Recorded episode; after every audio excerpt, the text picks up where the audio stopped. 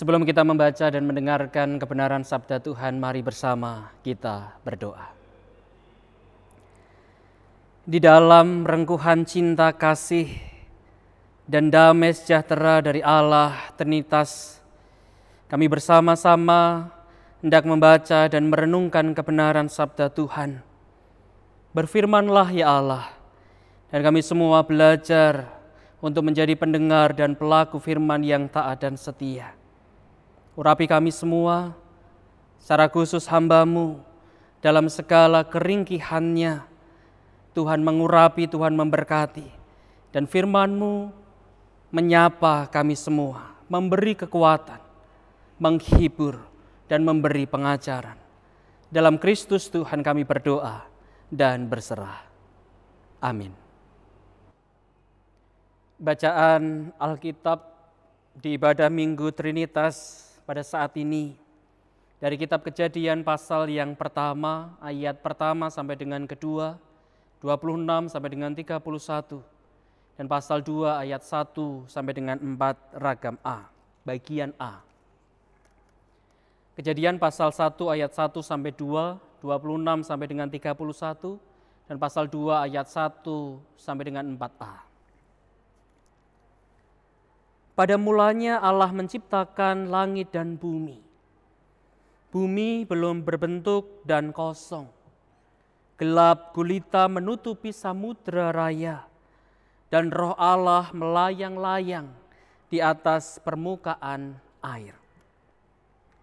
Berfirmanlah Allah, baiklah kita menjadikan manusia menurut gambar dan rupa kita, supaya mereka berkuasa atas ikan-ikan di laut, dan burung-burung di udara, dan atas ternak dan atas seluruh bumi, dan atas segala binatang melata yang merayap di bumi. Maka Allah menciptakan manusia itu menurut gambarnya, menurut gambar Allah diciptakannya dia. Laki-laki dan perempuan diciptakannya mereka. Allah memberkati mereka, lalu Allah berfirman kepada mereka, beranak cuculah dan bertambah banyak, penuhilah bumi dan taklukkanlah itu, berkuasalah atas ikan-ikan di laut dan burung-burung di udara, dan atas segala binatang yang merayap di bumi. Berfirmanlah Allah, lihatlah, aku memberikan kepadamu segala tumbuh-tumbuhan yang berbiji di seluruh bumi, dan segala pohon-pohonan yang buahnya berbiji itulah akan menjadi makananmu. Tetapi kepada segala binatang di bumi dan segala burung di udara, dan segala yang merayap di bumi yang bernyawa, kuberikan segala tumbuh-tumbuhan hijau menjadi makanannya. Dan jadilah demikian.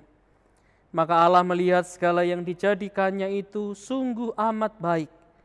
Jadilah petang dan jadilah pagi, itulah hari keenam. Demikianlah diselesaikan langit dan bumi dan segala isinya. Ketika Allah pada hari ketujuh telah menyelesaikan pekerjaan yang dibuatnya itu, berhentilah ia pada hari ketujuh dari segala pekerjaan yang telah dibuatnya itu. Lalu Allah memberkati hari ketujuh itu dan menguduskannya. Karena pada hari itulah ia berhenti dari segala pekerjaan penciptaan yang telah dibuatnya. Demikianlah riwayat langit dan bumi pada waktu diciptakan. Berbahagialah setiap orang yang mendengar dan melakukan firman Tuhan.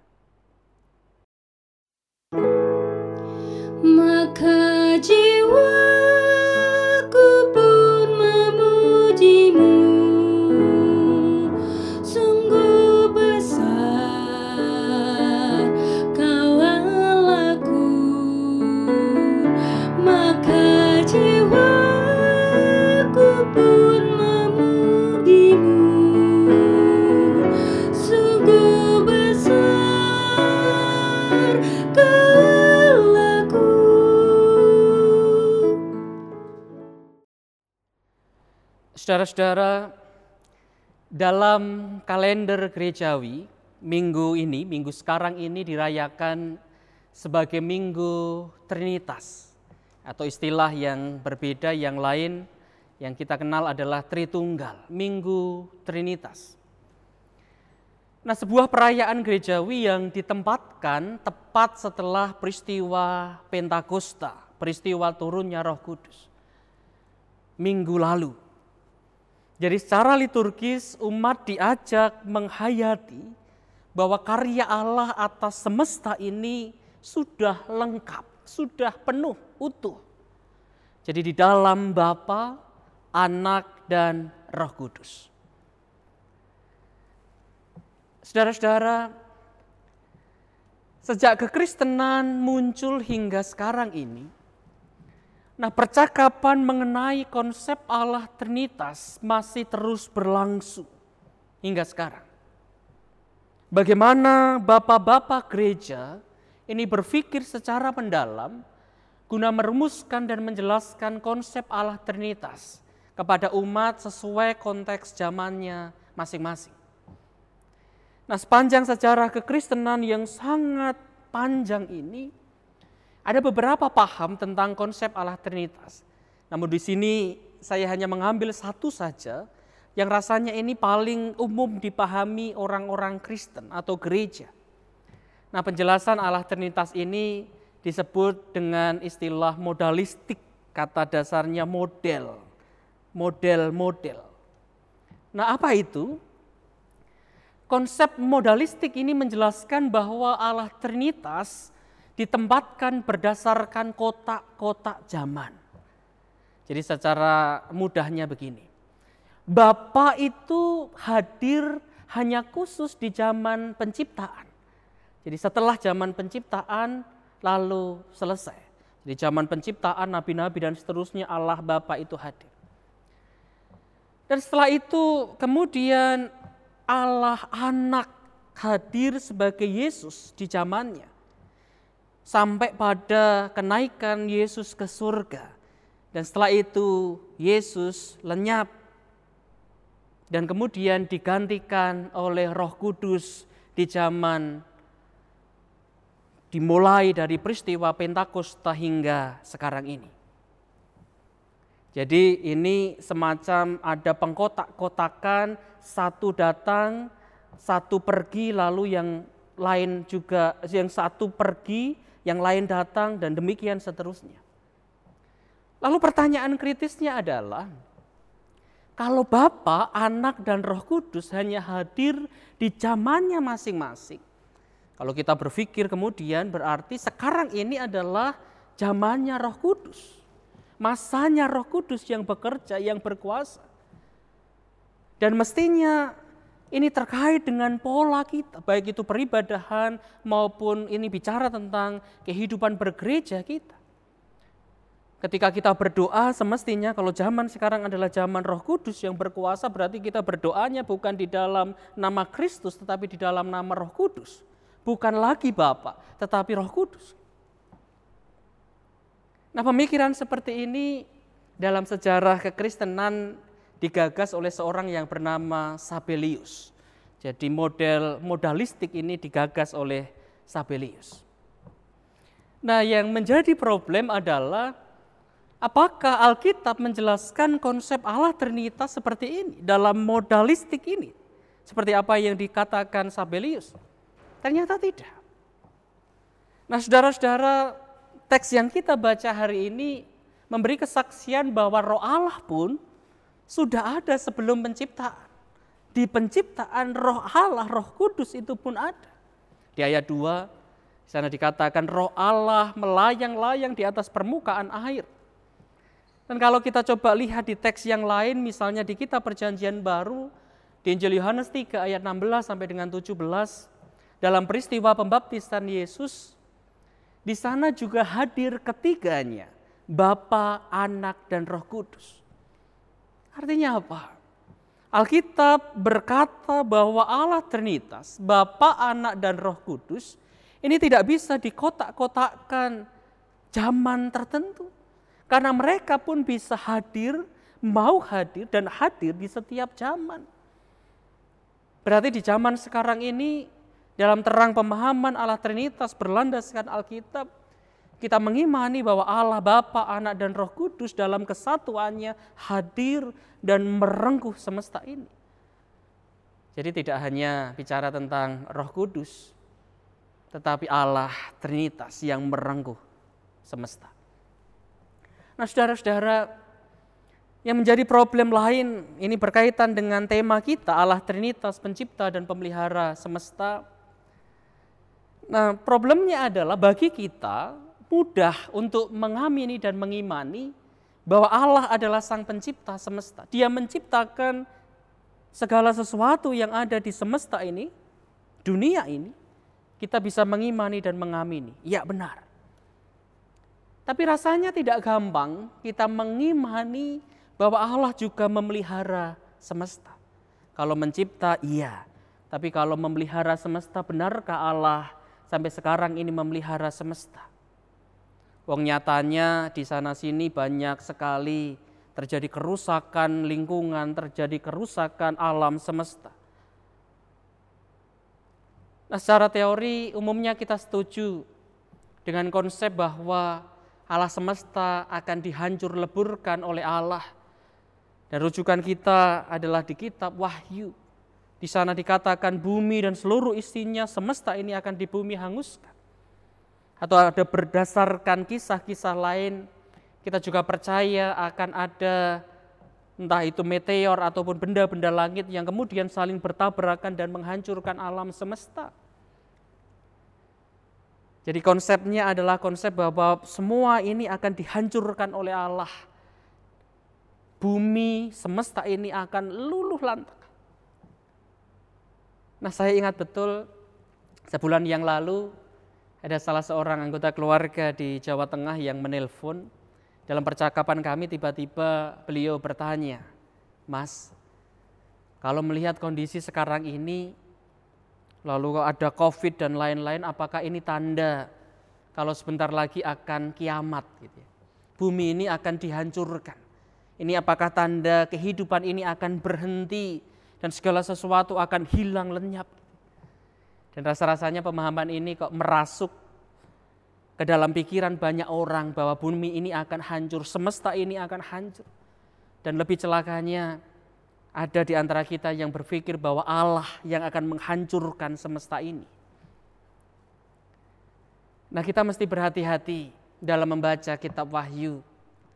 Tidak bisa kita baca secara harfiah karena kitab ini memiliki pergumulan sendiri Bicara tentang masa depan iya, tapi masa depan di zamannya yang tentu sudah terlewati pada zaman ini.